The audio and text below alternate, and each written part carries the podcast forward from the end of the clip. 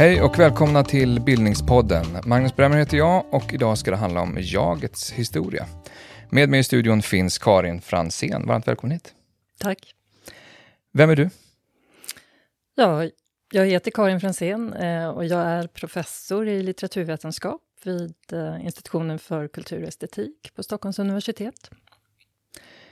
Strålande. Är du redo att lotsa oss genom jagets historia? Jag kan göra ett försök. Ja. Eh, jag heter Karin Fransén, sa du precis, och på den här nivån tänker jag att det är rätt lätt att förstå vad, vad dagens ämne handlar om. Jag är ordet vi använder för att tala om oss själva. Men föreställningen om jaget, själva idén om ett jag, har sysselsatt stora delar av filosofin i flera hundra, kanske tusentals år. Du har själv forskat på det här under väldigt lång tid. Kan inte du börja med att för, försöka förklara vad det egentligen är som är så intressant och komplext kanske med vad som är ett jag? Mm. Ja, alltså Jaget är ju väldigt paradoxalt, skulle jag vilja säga. Det är ju till exempel inte jag barnet lär sig säga först, utan det är sitt namn. Det är ju liksom Karin kommer före jag egentligen i barnets utveckling. Eh, så att det är ju både någonting som vi lär oss och som vi lever med och som förändras över tid. Eh, vår liksom, uppfattning av att ha ett jag och även kunna säga det. Eh, Samtidigt som det då är det du liksom inledde med, någonting som man intuitivt eh, associerar med sig själv eh, på ett väldigt direkt plan eh, Eh, utan att reflektera över det. Så att, eh, jag tänker, jaget har ju båda de här sidorna, någonting som är givet i en själv, en identitet kan man väl säga, och samtidigt någonting föränderligt och som påverkas av yttre faktorer eh, och som kanske är undanglidande lite grann. Alltså, om man börjar fundera på vem är jag egentligen, då blir ju frågan direkt mycket mer komplex. Och, eh, man kan säga redan eh, under antiken på Apollotemplet i Delphi så var det ju in, en inskrift där, eh, Gnoti Seuton, alltså känn dig själv. Så redan de gamla grekerna funderade ju på vad, vad är detta själv, vad är detta jag? Eh, så man på ett annat plan då kanske direkt tror att man vet vad det mm. är. Men är, är jaget samma sak idag som det var på den tiden? Vi, vi ska tala om jagets historia. Då. Går det liksom att säga att jaget har en, en historia? Jaget har definitivt en eh, historia, dels på ett personligt plan i varje människas liv, men också i eh, ett kulturhistoriskt eller litterärt, eh, litteraturhistoriskt eh, på ett sånt plan. Eh, och det kan man ju helt enkelt eh, bekräfta genom att gå till litteraturen att jag-framställningar, framställningar där ett jag talar ser ju olika ut under olika tid. Eh, och eh, bara som att, att, ta ett exempel då, som en av de första jag-framställningarna i um, den västerländska kultur och litteraturhistorien i alla fall är ju Augustinus bekännelse som kom 300 år efter Kristus ungefär. Ehm, men eh, även om Augustinus där beskriver liksom sig själv och sin omvändelse till kristendomen och använder jag, eh, pronomenet jag, så, så handlar det egentligen inte så mycket om ett unikt originellt jag utan eh, Augustinus framställer sig själv som ett exempel för alla att identifiera sig med. Så här ska man leva som en sann kristen.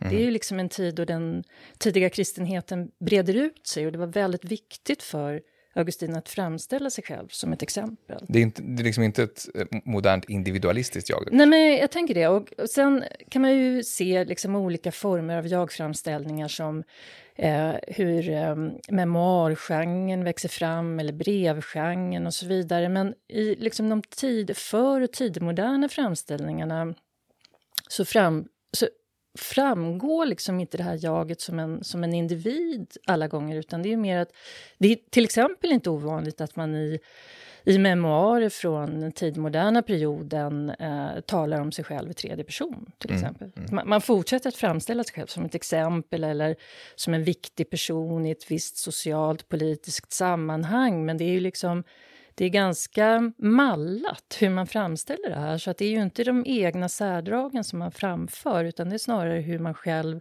efterlever normer och konventioner under lång tid fram till kan man säga, den moderna perioden då det här mer individuella jaget trädde fram i mm. litteraturen. Jean-Jacques Rousseaus eh, verk med samma namn som Augustins bekännelser från sent 1700-tal brukar nämnas som också ett sånt där portalverk i den här genren någonstans. Va, va, mm. Vad är det som händer med, med, med, vad är det Rousseau gör i det verket som, som eh, är viktigt?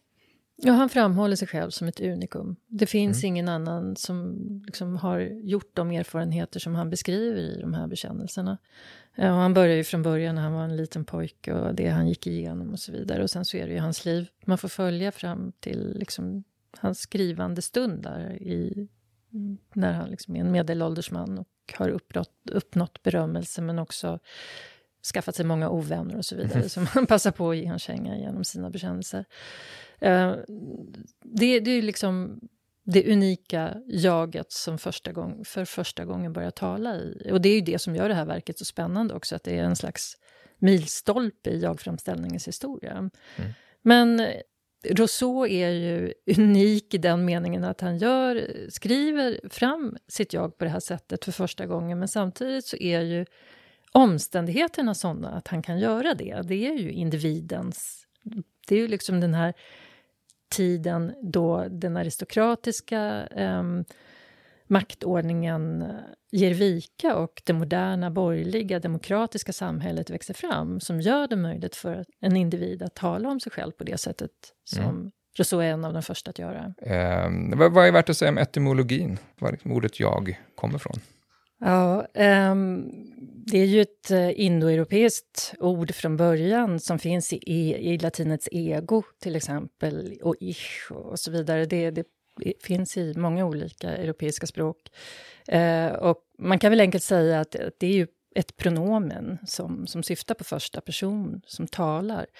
Eh, men eh, det är ju någonting mer, naturligtvis, som vi redan har varit inne på. Och detta liksom mer brukar man eh, väl oftare idag tala om som just subjektet. Och subjektet har ju faktiskt en intressant etymologisk historia, för att Eh, om man för, först, vad, vad, vad menas med subjekt? Ja, jag skulle, idag så... så eh, om, man, om man går till en eh, ordbok idag, till exempel Nationalencyklopedin, så tror jag att, det, om jag inte missminner mig, att det står att eh, subjekt används som synonym till jag, helt enkelt. Eh, att man började göra det från och med 1600-talet och framåt. Och det, ja. grammatiskt tänker man ha koll på subjekt och ja, predikat, det är ju precis, liksom jag, jag-positionen. Mm. Mm. Eh, men samtidigt så, alltså jaget är ju den som säger jag, eh, en språklig form. Och när man talar om jag så kan man ju tala om subjektet då, dels i, i grammatiken men, men kanske också i vidare bemärkelse. Där finns det en historia som är lite intressant tycker jag och som fortfarande är verksamt i ordet subjekt fast man kanske inte tänker på det så mycket. Och det är just att eh, subjekt från och med den moderna tiden, då från och med slutet av 1600-talet och framåt, om det blir synonymt med jaget så är ju det, det är ju bäraren av medvetandetillstånd, det är ju den som agerar, det, den som gör någonting, som har känslorna och som har tankarna och som kan uttrycka sig själv och säga jag, det är subjektet. Men fram till 1600-talet, under den tidmoderna eller förmoderna perioden, då användes ordet subjekt enbart för att beteckna undersåte, den som var underkastad makten. Det är det det betyder också? Det är det det betyder etymologiskt. Ja, mm. precis.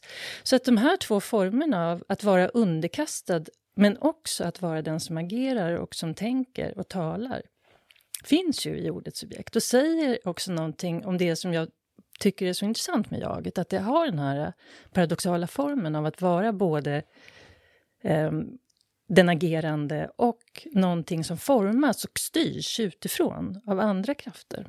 Vi talade om individualism här i början också, individ.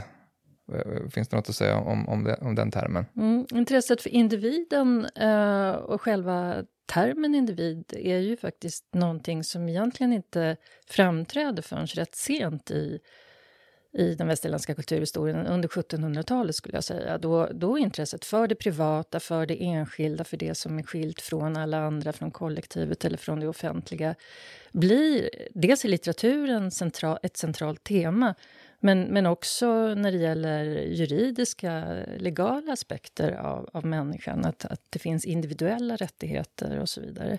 Det är ju någonting som saknas i liksom den tidigmoderna eller förmoderna mm, kulturen där man liksom ingår mera i, på ett hierarkiskt sätt i en samhällsorganism som styrs auktoritärt. Liksom. Mm. Intressant. Vi ska komma, återkomma till flera av de här sakerna, tänker jag. Man får ju lätt känslan av att vi lever i en rätt jag-fokuserad tid. Det, håller du med om det, du som nu har sysslat med jaget genom historien? Både ja och nej, skulle jag säga. Um, det, det finns ju, alltså vi lever ju fortfarande i eh, individens era. Det, det är ju liksom individens frihet och rättigheter som vi håller främst. Eh, och eh, idag med den teknologiska utvecklingen, med de sociala medierna och så vidare så liksom svämmar ju ofta det eh, vad ska man säga, offentliga samhället över av, av jag-framställningar av mm. olika slag. Det är ju liksom ingenting som man håller intimt längre utan man exponerar intimiteten idag på ett sätt som, som gör att man får ett intryck av att vi lever i ett väldigt jag-centrerad, en jag-centrerad tid. Men eh, samtidigt om man tittar på alla de här olika jag-framställningarna, bloggarna och statusuppdateringarna på Facebook och så vidare, så, eller lyssnar på Min sanning på tv eller vad det nu kan mm. vara, eh, så får man ju ändå intrycket att det finns en slags um, strömlinjeform i det här. Att det är, det är lite mallat.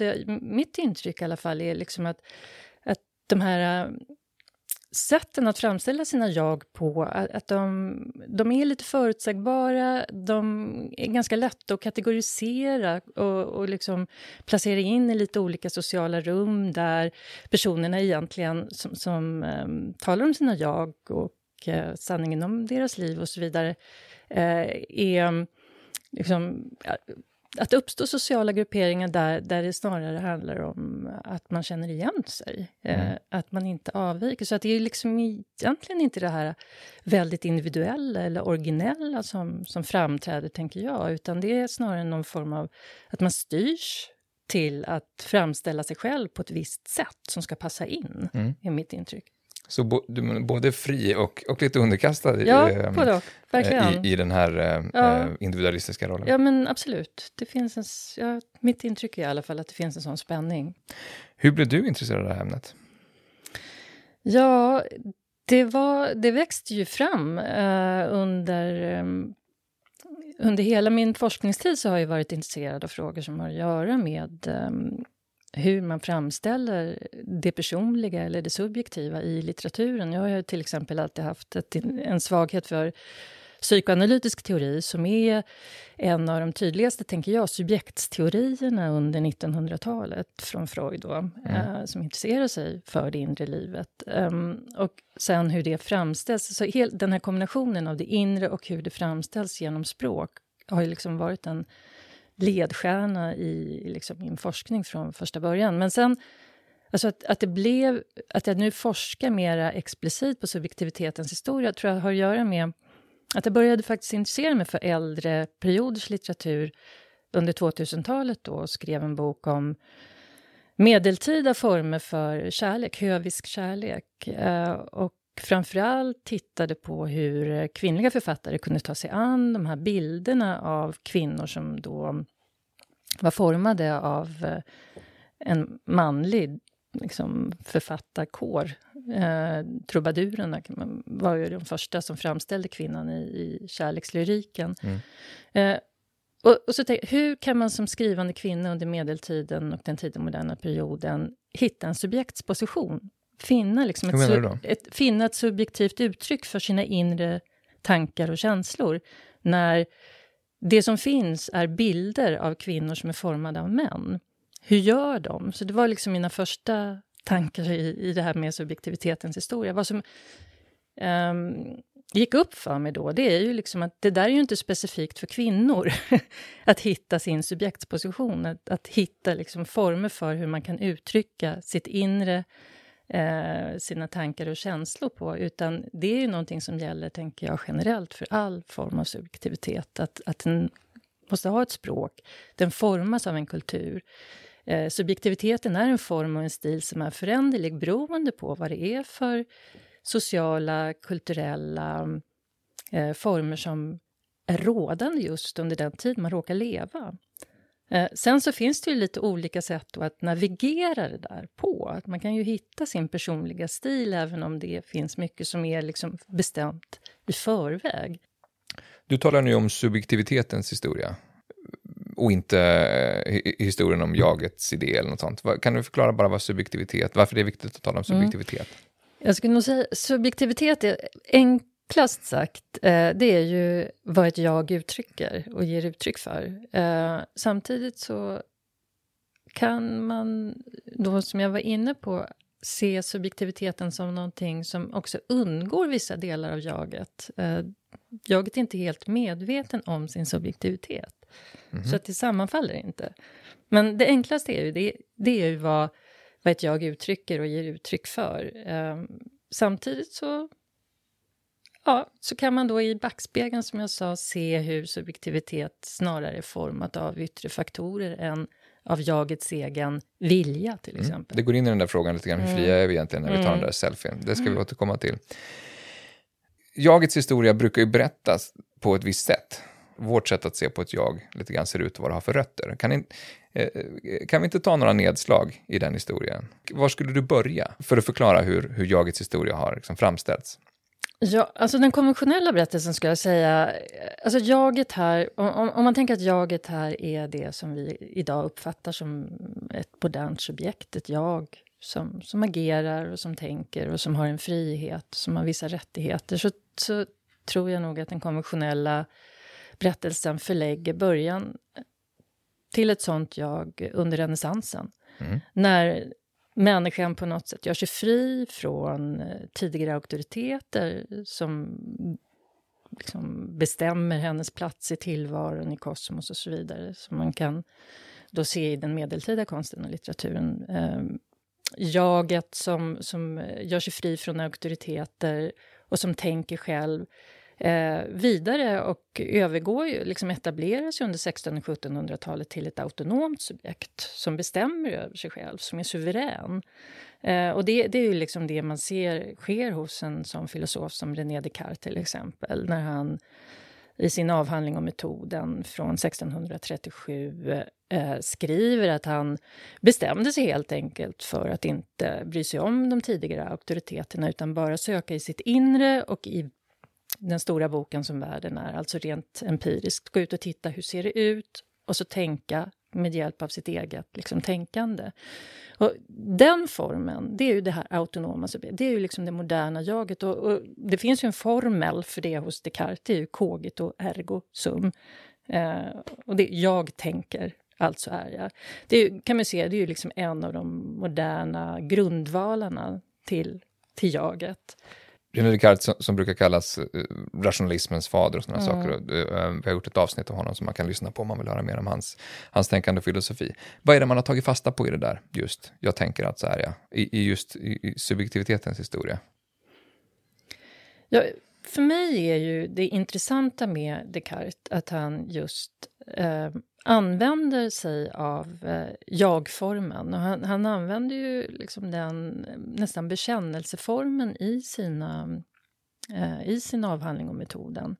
Han gör ju mycket annat också. Det är ju ett komplext tänkande, ett stort filosofiskt tänkande. Men just den här jag-formen, att han talar eh, som ett jag eh, och lägger betoningen på att han inte är underkastad andra auktoriteter utan det är liksom det egna tänkandet som måste vara grundval för den, eh, den kunskap han söker i första hand. Sen så kan han ju naturligtvis prova det här mot vad andra har sagt och tänkt. Eh, men, men grundvalen är att tänka själv, att lägga liksom en, en så stor vikt vid, vid sitt eget inre, sitt eget tänkande. Och det tänker är är centralt för, för den moderna uppfattningen av vad ett subjekt är. Mm.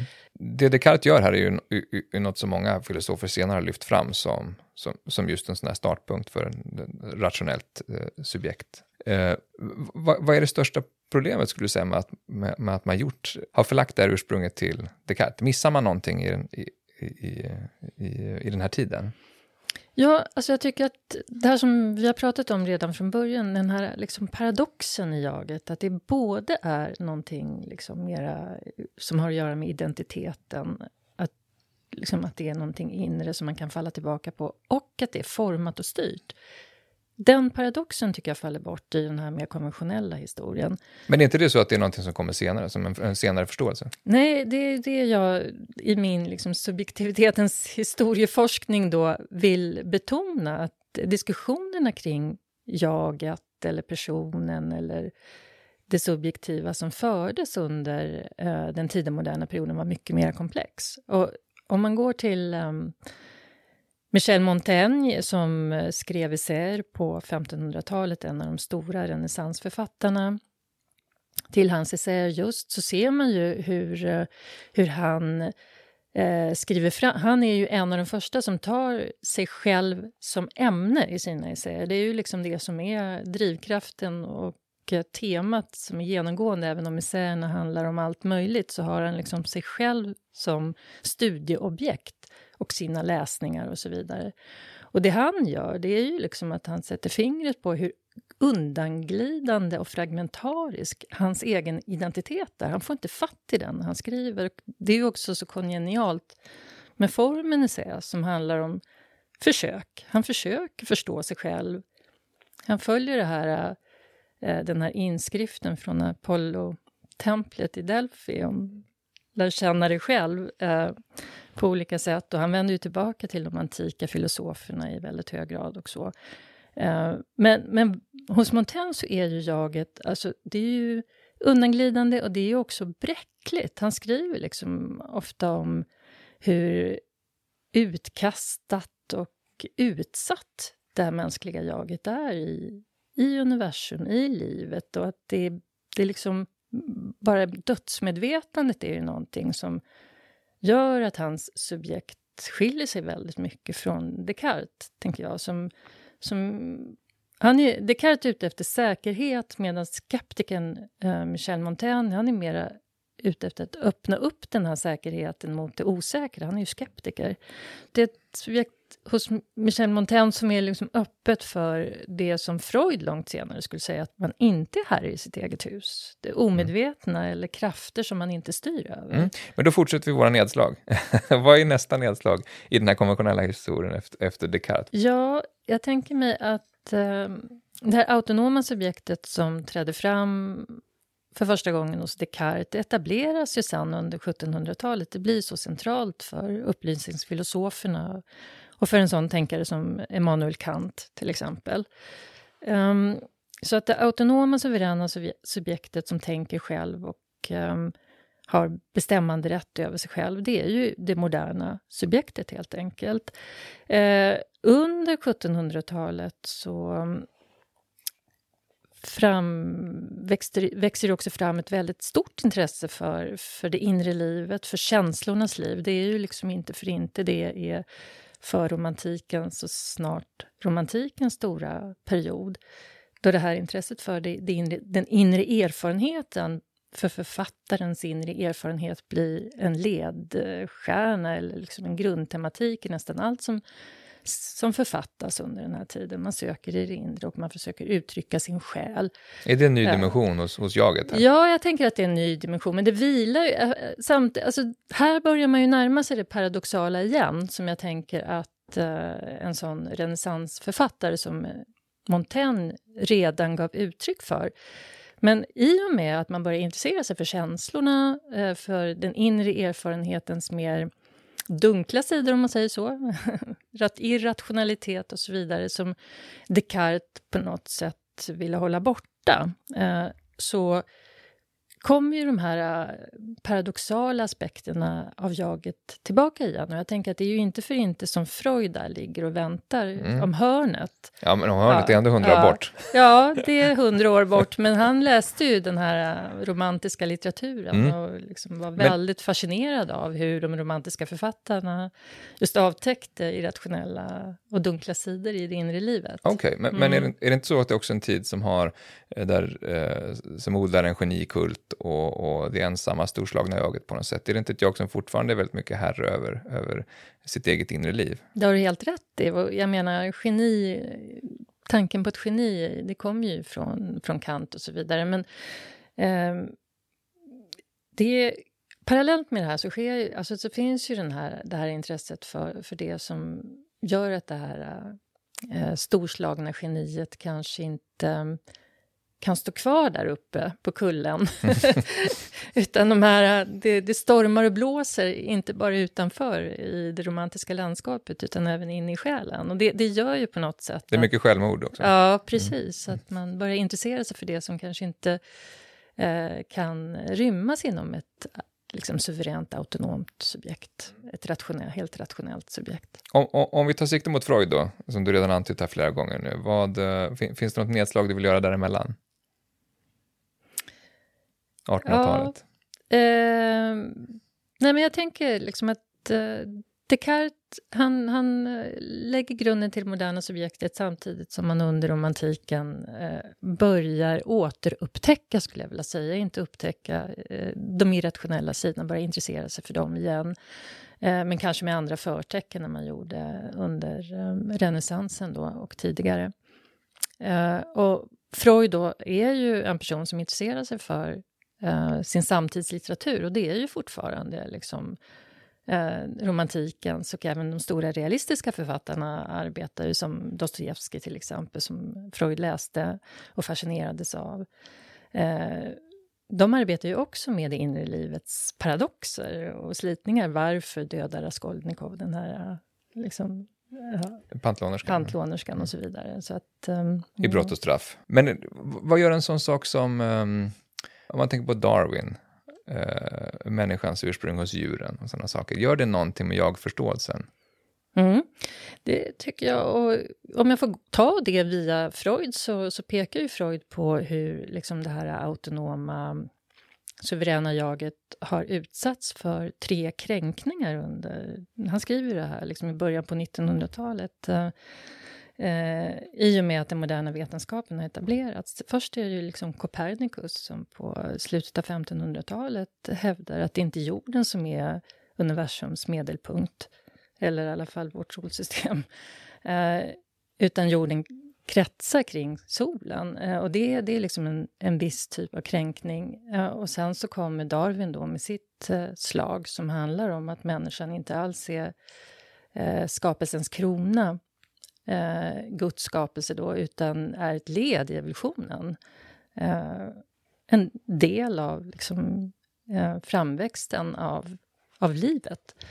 Eh, så att det är också en kränkning eh, enligt Freud. Men det han själv vill framhålla då är hans sätt att eh, kränka den mänskliga egenkärleken, kan man väl säga. För, han, för, han, för Freud ser ju det här liksom, autonoma, suveräna subjektet som ett ett eh, uttryck för en form av narcissism. Men den, hur, hur, hur, då? Ja, att människan är väldigt självupptagen och väldigt intresserad av sitt ego och håller det väldigt högt. Han, och han ser ju då den här filosofiska formen av eh, subjektiv autonomi som, som ett, också som ett uttryck. Alltså, om man inte vill erkänna de här andra krafterna, de yttre sociala eller även inre då som Freud var intresserad av driftsmässiga begärsladdade krafterna som styr och ställer. Och vilken är den tredje kränkningen? Det är han själv som ja, står för den? Nej, det är hans... hans man kan ju säga att Freuds ska man säga, upptäckt inom citationstecken av det omedvetna är den tredje kränkningen. Att det finns någonting som övergår jagets medvetenhet om sig själv. Jaget är inte medveten om alla de krafter som, eh, som eh, är igång i, i det inre livet, utan eh, det är bara en liten del. Det är det som är Freuds poäng, att jaget är bara en liten del av liksom, det mänskliga eh, inre livet. Och det är där, när du pratar om subjektivitet, så är det eh, delvis det man siktar mot? Att, att eh, det här är inte no så uppfattar jag det i alla fall, att subjektiviteten, man är inte helt och hållet medveten om sin subjektivitet. Stora delar av den är också eh, omedveten. Mm. Mm under 1900-talet, framförallt andra halvan av 1900-talet, så, så, så ägnas ju väldigt många tankar just kring, kring detta med subjektiviteten eh, hos massa filosofer och tänkare. Eh, vad, vad, vad, skulle du säga, vilka är de viktigaste idéerna som du har tagit med dig i, i, i din egen historiska blick? Ja, psykoanalysen har jag redan nämnt. Det är liksom en viktig eh, teoretisk referens i mitt sätt att förhålla mig till subjektivitet på när jag läser texter och så. Men eh, också, tänker jag, Michel Foucault. Eh, jag fick... En fransk eh, 1900-talsfilosof. Eh, ja, en fransk eh, filosof som har fått ganska stor uppmärksamhet nu igen under de senare decennierna här, tänker jag, som dog 1984. Um, han, eh, jag fick i uppdrag faktiskt att översätta en av hans eh, kurser som han höll eh, på ett lärosäte i Paris som heter Collège de France 1980 som heter Att styra de levande. Och när jag arbetade med den översättningen så upptäckte jag faktiskt att Foucault, som tidigare kanske framförallt har blivit uppmärksammad för eh, sin analys av sexualitetens historia eller vansinnets historia och hur makten styr och ställer med människor på olika sätt. Det här med liksom disciplinsamhället eh, och så. Men eh, när jag arbetade med just den här eh, kursen som han höll under ett år där på Collège de France så gick det upp för mig att eh, vad Foucault också hållit på med under hela sin tid när han började. Han började ju skriva sina arbeten i mitten på eh, 1960-talet eh, och att det handlar ju också om just subjektivitetens historia. Att, varför har vi blivit de subjekt vi är idag? Hur, hur kan vi förstå det? är ju på något sätt en, fråga, en grundfråga han ställer från första början. Så det har också varit en inspirationskälla faktiskt i mina senare arbeten. Han, han talar om subjektivering. Eh, skulle jag säga någonting om vad han, vad han menar med det? Jag tror att eh, subjektivering är just en term eh, Foucault väljer att använda för att eh, betona att subjektet inte bara är det här autonoma, agerande, medvetna subjektet utan att det också blir till. Det ligger ju liksom ett formande i termen subjektivering. Man formas till subjekt av sin omgivning, av den kulturella, sociala mm, kontext som råkar vara den rådande just idag då. Mm. Eller under den tid man lever. Hur mycket skulle du säga att eh, den här konventionella historien om som bottnar i, i, i Descartes tänkande om ett autonomt, eh, suveränt jag. Eh, hur mycket av det finns kvar eh, i vår tid? Jag tror att den här konventionella historien har fått stå rätt eh, oemotsagd faktiskt, eh, fram till idag. Eh, och vad, vad, jag, nu vill inte jag bara framhäva min forskning, men liksom vad jag vill uppmärksamma det är ju att det finns ju andra sätt att uppfatta jaget på. Eh, psykoanalysen är ju en sådan eh, teori då som, som pekar på att jaget inte är eh, så, fri, så fritt och liksom, eh, autonomt som man kanske föreställer sig det. Men finns det andra eh, delar av den här historien, ungefär som du införde Montaigne som någon som ja, relativiserar Descartes? Finns det andra precis, sådana? så jag tänker att man kan ju liksom komplettera den konventionella historien med en eh, parallell historia som, som man kan dra just från Montaigne och Montaigne sökande efter sitt liksom, ämnet för sin essä, då sitt inre, så, där han lyfter fram snarare eh, sitt beroende av, eh, av andra, av eh, att... Till exempel, jag tycker det är väldigt intressant att eh, Descartes, han använder ju sitt jag och han skriver nästan i en bekännelseform i avhandling, sin avhandling då om metoden. Men Michel Montaigne, han framhåller liksom rent medvetet samtalskonsten som central för sin egen självförståelse. Mm. Han, han liksom lyfter fram l'art de converser, alltså att konsten att tala är en av de största konsterna. Och det är liksom någonting som växer fram parallellt med Descartes systematiska tänkande och moderna filosofi under 1600-talet. Mm. Så I, samtalet står lite mot tänkandet där? Ja, lite grann. Jag tycker att det är jättespännande. För att inom salongskulturen, som, som växer fram då som väldigt viktiga litterära, intellektuella, filosofiska centra i framförallt Paris under 1600-talet, den uppstår ju framförallt i eh, aristokratiska och eh, välbärgade borgerliga hem. Eh, och det var ju ofta kvinnor som höll salong. De öppnade sina hem för poeter, författare, konstnärer, filosofer, vetenskapsmän. Och man träffades då med viss regelbundenhet hos de här olika salongsdamerna, som de kom att kallas. Eh, det man gjorde i de här rummen då, eh, det var ju att samtala. Och man, det var ju liksom inte bara ett fritt snack, utan man upphöjde ju det här sättet att prata med varandra till en, till en konst. Och, i det, och den här konsten är ju också en slags psykologi avant la lettre, kan man nästan säga. För att Alltså gen- före ordet fanns? Ja, före ordet fanns. För att genom att samtala så lärde man också liksom, lärde man sig att analysera eh, både sig själv eh, sin motpart eller de andra man talade med. vad har de för avsikter? Eh, var det bra sagt? Var det liksom någonting som den här personen ville maskera genom att säga det på det här Alltså att en analytisk förmåga växer fram som förfinar förståelsen av vad subjektivitet är, vad subjektivitet kan vara men framförallt visar på subjektivitet, subjektivitetens beroende av yttre omständigheter. Att lära sig förstå ja. sig själv i, i mötet med en annan? Ja, alltså. mm. i samspelet med andra. Mm. Och det, det är ju någonting som jag tänker som en parallell historia som man kan dra vidare eh, fram även till idag. Då, jag tror att vi alla liksom intuitivt någonstans har en känsla av att jaget är det mest privata, det mest unika. Men tittar man på hur vi nu idag verkligen Eh, viker ut oss själva i de sociala medierna och så vidare och att autofiktionen, självbiografin kanske har ett uppsving idag som är större än den någonsin har varit. Eh, så ser man ju samtidigt att det här, eh, det här sättet att um, presentera sina jag på idag är ju...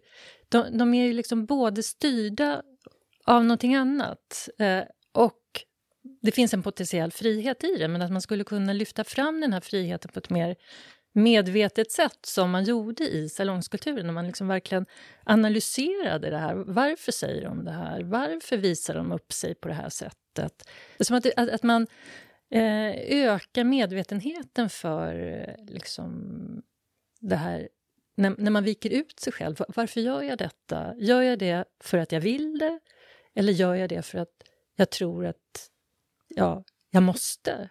Och, och, där just kan man kanske hitta en ficka av möjligt motstånd mot att inte bara liksom låta sig svepas med i en form av subjektivitet som kanske är väldigt styrd mm. av olika saker. För en poäng här är väl att, att i, i den här frågan om, om, om jagets uh, frihet kontra jagets underkastelse är att det handlar inte enbart om att vara antingen fri eller förtryckt, utan också i vår frihet så kan vi vara styrda de märks ju. Precis, så att inte styrningen tar överhanden. Jag tänker att man kan, det, det, är en, jag tror jag, en illusion att jaget är fritt. Eh, som kanske vilar på Descartes och den konventionella berättelsen om det moderna subjektet. Jag tänker att det är en illusion som redan Montaigne satte liksom fingret på, eh, men som psykoanalysen har bidragit till att visa att det är inte fallet. Och jag tycker också att Foucaults forskning är väldigt tydlig på den punkten, att vi, är, vi, vi subjektiveras, vi formas snarare mm. än... Så exempel, hur, hur skulle det se ut på, i, i den här eh, framställningen på sociala medier som du pratar om, som, som vi många som ägnar oss åt? Det är väl vår tids salongskultur kanske, jag vet inte. Hur eh, sociala medier, hur hur vi kan... Alltså, men jag tänker, det är ju fortfarande ett ganska ungt medium. Eh, så att det kanske växer fram en självmedvetenhet. Jag tycker att man kan se det i den yngre generationen som ofta, liksom, dels så vill de kanske inte vara på Facebook överhuvudtaget men att de utvecklar ju lite olika strategier för att kringgå det här som är... Så många drabbas ju av det här, liksom, att man måste vara så snygg man måste synas, man måste få jättemånga likes. Om man inte får det så är man ute. Liksom att, men att, att de, den generationen hittar ju själva strategier för att hantera det här, tänker jag. Och en ökad medvetenhet om att det där som man gör på, på Twitter eller Insta eller vad det nu är, är inte jag. Att, att det finns en, en medvetenhet. Medan vi medelålders och äldre kanske tror liksom att ja, mm. nu äntligen blev det bekräftat. Mm. att så här fint har jag det, liksom, eller vad det nu kan vara.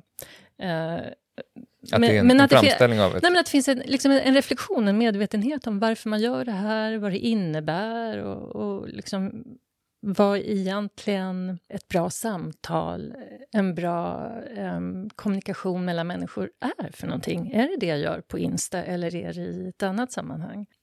Ska vi, ska vi fördjupa oss lite grann i, i, i, eh, i det här med självframställning som du har återkommit till flera gånger och eh, kanske just den skrivna självframställningen. Eh, som du var inne på så är det här med autofiktion, alltså självbiografiskt anstruken eh, skönlitteratur eh, i jagform, Något som har varit väldigt populärt senaste decenniet åtminstone. Och, och samtidigt något som vi då uppenbarligen ägnar oss åt i, i alla de här personliga eh, jag-fokuserade eh, plattformarna som vi har digitalt från, från bloggen till, till de olika sociala medierna. Varför är vi så fascinerande av det här eh, vittnesmålet någonstans? Det är en jättesvår fråga att svara på. Jag är ju själv, jag är själv väldigt eh, intresserad av att läsa autofiktion. Jag tycker att det är... Det är och, överhuvudtaget så har ju liksom den läsande praktiken lite grann kommit att Eh, påverkas, tänker jag, av hur sociala medier fungerar. Att vi lever i en tid då allting händer så fort och Eh, man är intresserad av händelser. Och lite grann... Ja, men det finns ju faktiskt en parallell till 1600-talet som jag är nedsjunken i, kanske mer än i samtiden i och med att ehm, um, 1600-talet är också en skvallerkultur. Man är otroligt intresserad av vad som händer andra människor och Eh, hur, man diskuterar, inom salongskulturen så diskuterar man ju egentligen bara två saker, politik och kärlek. Och egentligen så handlar ju våra, vår tids autofiktioner bara om politik och kärlek också på lite olika plan. Så att, och, och har den här skvallerkaraktären. Så att man, man är intresserad av nuet. Väldigt, liksom, vad är det som händer? Man är inte så intresserad av de stora berättelserna eller eh, liksom sagorna eller de moderna formerna av sagor som man skulle kunna tänka sig att den realistiska romanen är. Eh, vi har liksom inte riktigt tid för det, utan vi vill ha de här lite snabbare kickarna. Vad är det som händer nu? Och vad var hon med om? Eller vad var han med om? Och det här liknar ju vad jag var med om och sådär. Att det, det finns någon, någon sån här, kanske... Eh, ja, vi lever i en tid då vi är upptagna inte bara av oss själva utan av, av nuet och den mängd liksom, information som hela tiden omger oss. Och vi måste på något sätt navigera där. Där finns en koppling till 1600-talet menar du? Alltså? Ja, jag upptäckte det. Mm. att det. Att man kan se, jag menar på det salongskulturen, den litteratur som växer fram i salongskulturen, det är ju liksom de mindre genrerna. Det är maximer där man liksom i väldigt snabba såna här um, one-liners uh, mm. formulerar uh, snygga tankar om vad människan är för någonting, vad jaget är för någonting. Och ofta då i den här liksom avslöjande eh, meningen att vi är bara liksom masker och vi döljer oss och så vidare. Eh, men också en konversationslitteratur, en dialogisk litteratur som har brevformen eller tillfällespoetiska eh, former där man kan faktiskt avläsa i väldigt hög grad vad det är för diskussioner som man är intresserad av. Till exempel brevformen. Man kan ju ta Madame de Sévigné's brev. De är ju väldigt, väldigt kända. Vem var hon? Madame de Sévigné var en av de här stora eh, salongsfigurerna under andra halvan av 1600-talet i Paris. Och hon gav ut... Eh, hon, hon iakttog allt som hände i det här franska samhället under den här tiden och skrev ner det i brevform och skickade framförallt till sin dotter men också till andra i sin omgivning. Och de här breven de lästes ju redan under hennes samtid som ett slags nyhetsmaterial. Madame de Sévigné har kallats för sin tids mest lysande journalist, fast hon skrev bara brev. Eh, men de breven, tänker jag, de fungerar ju lite som dagens filterbubblor. Va? Att man, man läser de här för man är intresserad av vissa händelser, av ett visst skvaller. Ungefär som vi läser... Jag går ju inte och köper eller lånar vilken autofiktion som helst. Jag är ju intresserad av den därför att han kanske kommer att nämna mig, eller han kanske kommer att nämna min kompis. Kanske inte alla eller... som, som, som söker en litteratur Nej. tänker. Men. Nej, men lite så. Alltså, någonstans där, att det tangerar någonting som ligger en nära. Man vill liksom läsa om saker som man kan identifiera. Att det liknar mitt liv, eller till och med jag blir nämnd i nästa bok eller så. Det är Ja. ju, om man, om man talar om, Mm. den, om, om, vår tids eh, autofiktion och, och självframställningslitteratur, är den ju, det är en mångordig genre ofta. Den är, den är rätt privat, den kan vara rätt skvallrig. Eh, men den, den är också, bygger på någon slags föreställning av autenticitet, eller har ett sanningsanspråk ändå, väl? Eh, vad säger du om det? Vad, vad, hur mycket har det att göra med, hur hänger det ihop med jag-formen?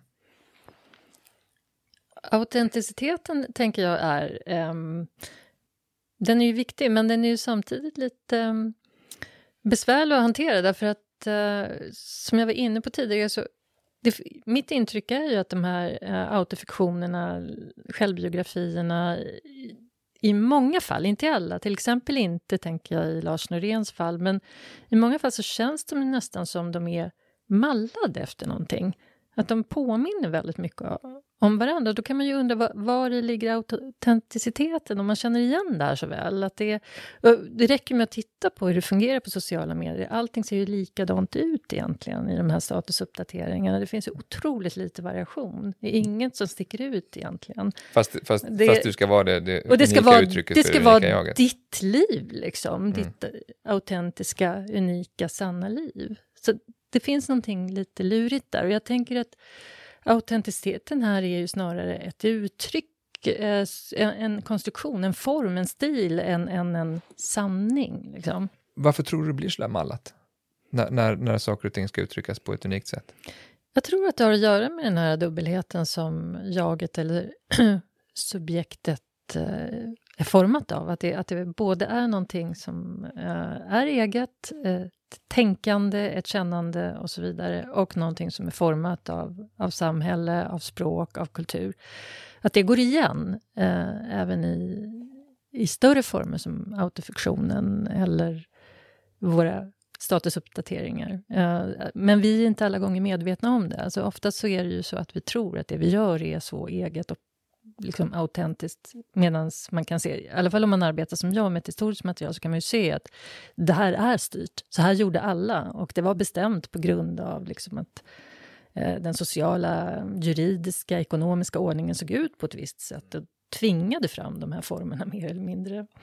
Du har ju skrivit mycket om kärlek också. Är det, är det i, i, i litteraturen? Vad, eh, uttrycker, uttrycker man sig mer, mer eh, unikt när man skriver om kärlek? Nej, men kärleken är ju bara ett typexempel på den här dubbelheten. Eh, jag tror att det är Julia Kristeva som har sagt att uh, kärleken... Det är en fran, fransk filosof. Ja, den franska psykoanalytikern, litteraturteoretikern och filosofen Julia Kristeva då, eh, som har sagt att eh, kärleken är subjektivitetens zenit. Zenit. Solen, solen står i när den Solen står i zenit och jag tänker att det, det handlar ju liksom om att det är ju en tipping point. Att Mm. här har man ju liksom både det som är format, det är liksom kärlekshistorier genom tiden som eh, man kan på något sätt känna igen. Man känner igen formuleringarna, det är någonting man lär sig. Ehm, den franska eh, Maximförfattaren La Rochefoucauld sa till exempel att... om Det här var på 1600-talet. det här är på 1600-talet. Han var en sån här figur i salongerna. Sa till exempel att om man aldrig hade hört talas om kärlek så skulle man aldrig bli förälskad. För Han betonar verkligen det här med liksom språkets betydelse. Det är den ena sidan av det, men just scenit, att det pekar liksom där... För där kan just de här äh, konventionella, normstyrda formerna helt enkelt också brytas. Eh, Man förlorar sig själv. Och jag tror det närmaste man kan komma sanning och subjektivitet om jaget det är just de gånger, de ögonblick i livet då man förlorar sig själv.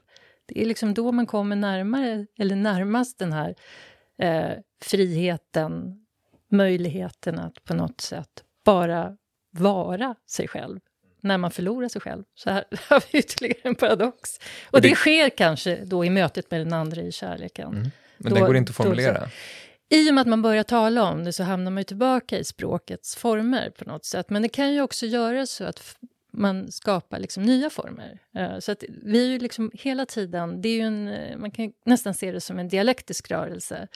Att man är formad av tidigare former men man kan förskjuta dem, man kan förändra dem på grund av till exempel kärlek. Vi tar det som slutord. Tusen tack Karin Fransén för att du ville vara med i Bildningspodden. Mm. Tack själv Magnus. Tack också ni som har lyssnat. Vi är tillbaka om två veckor med ett nytt avsnitt.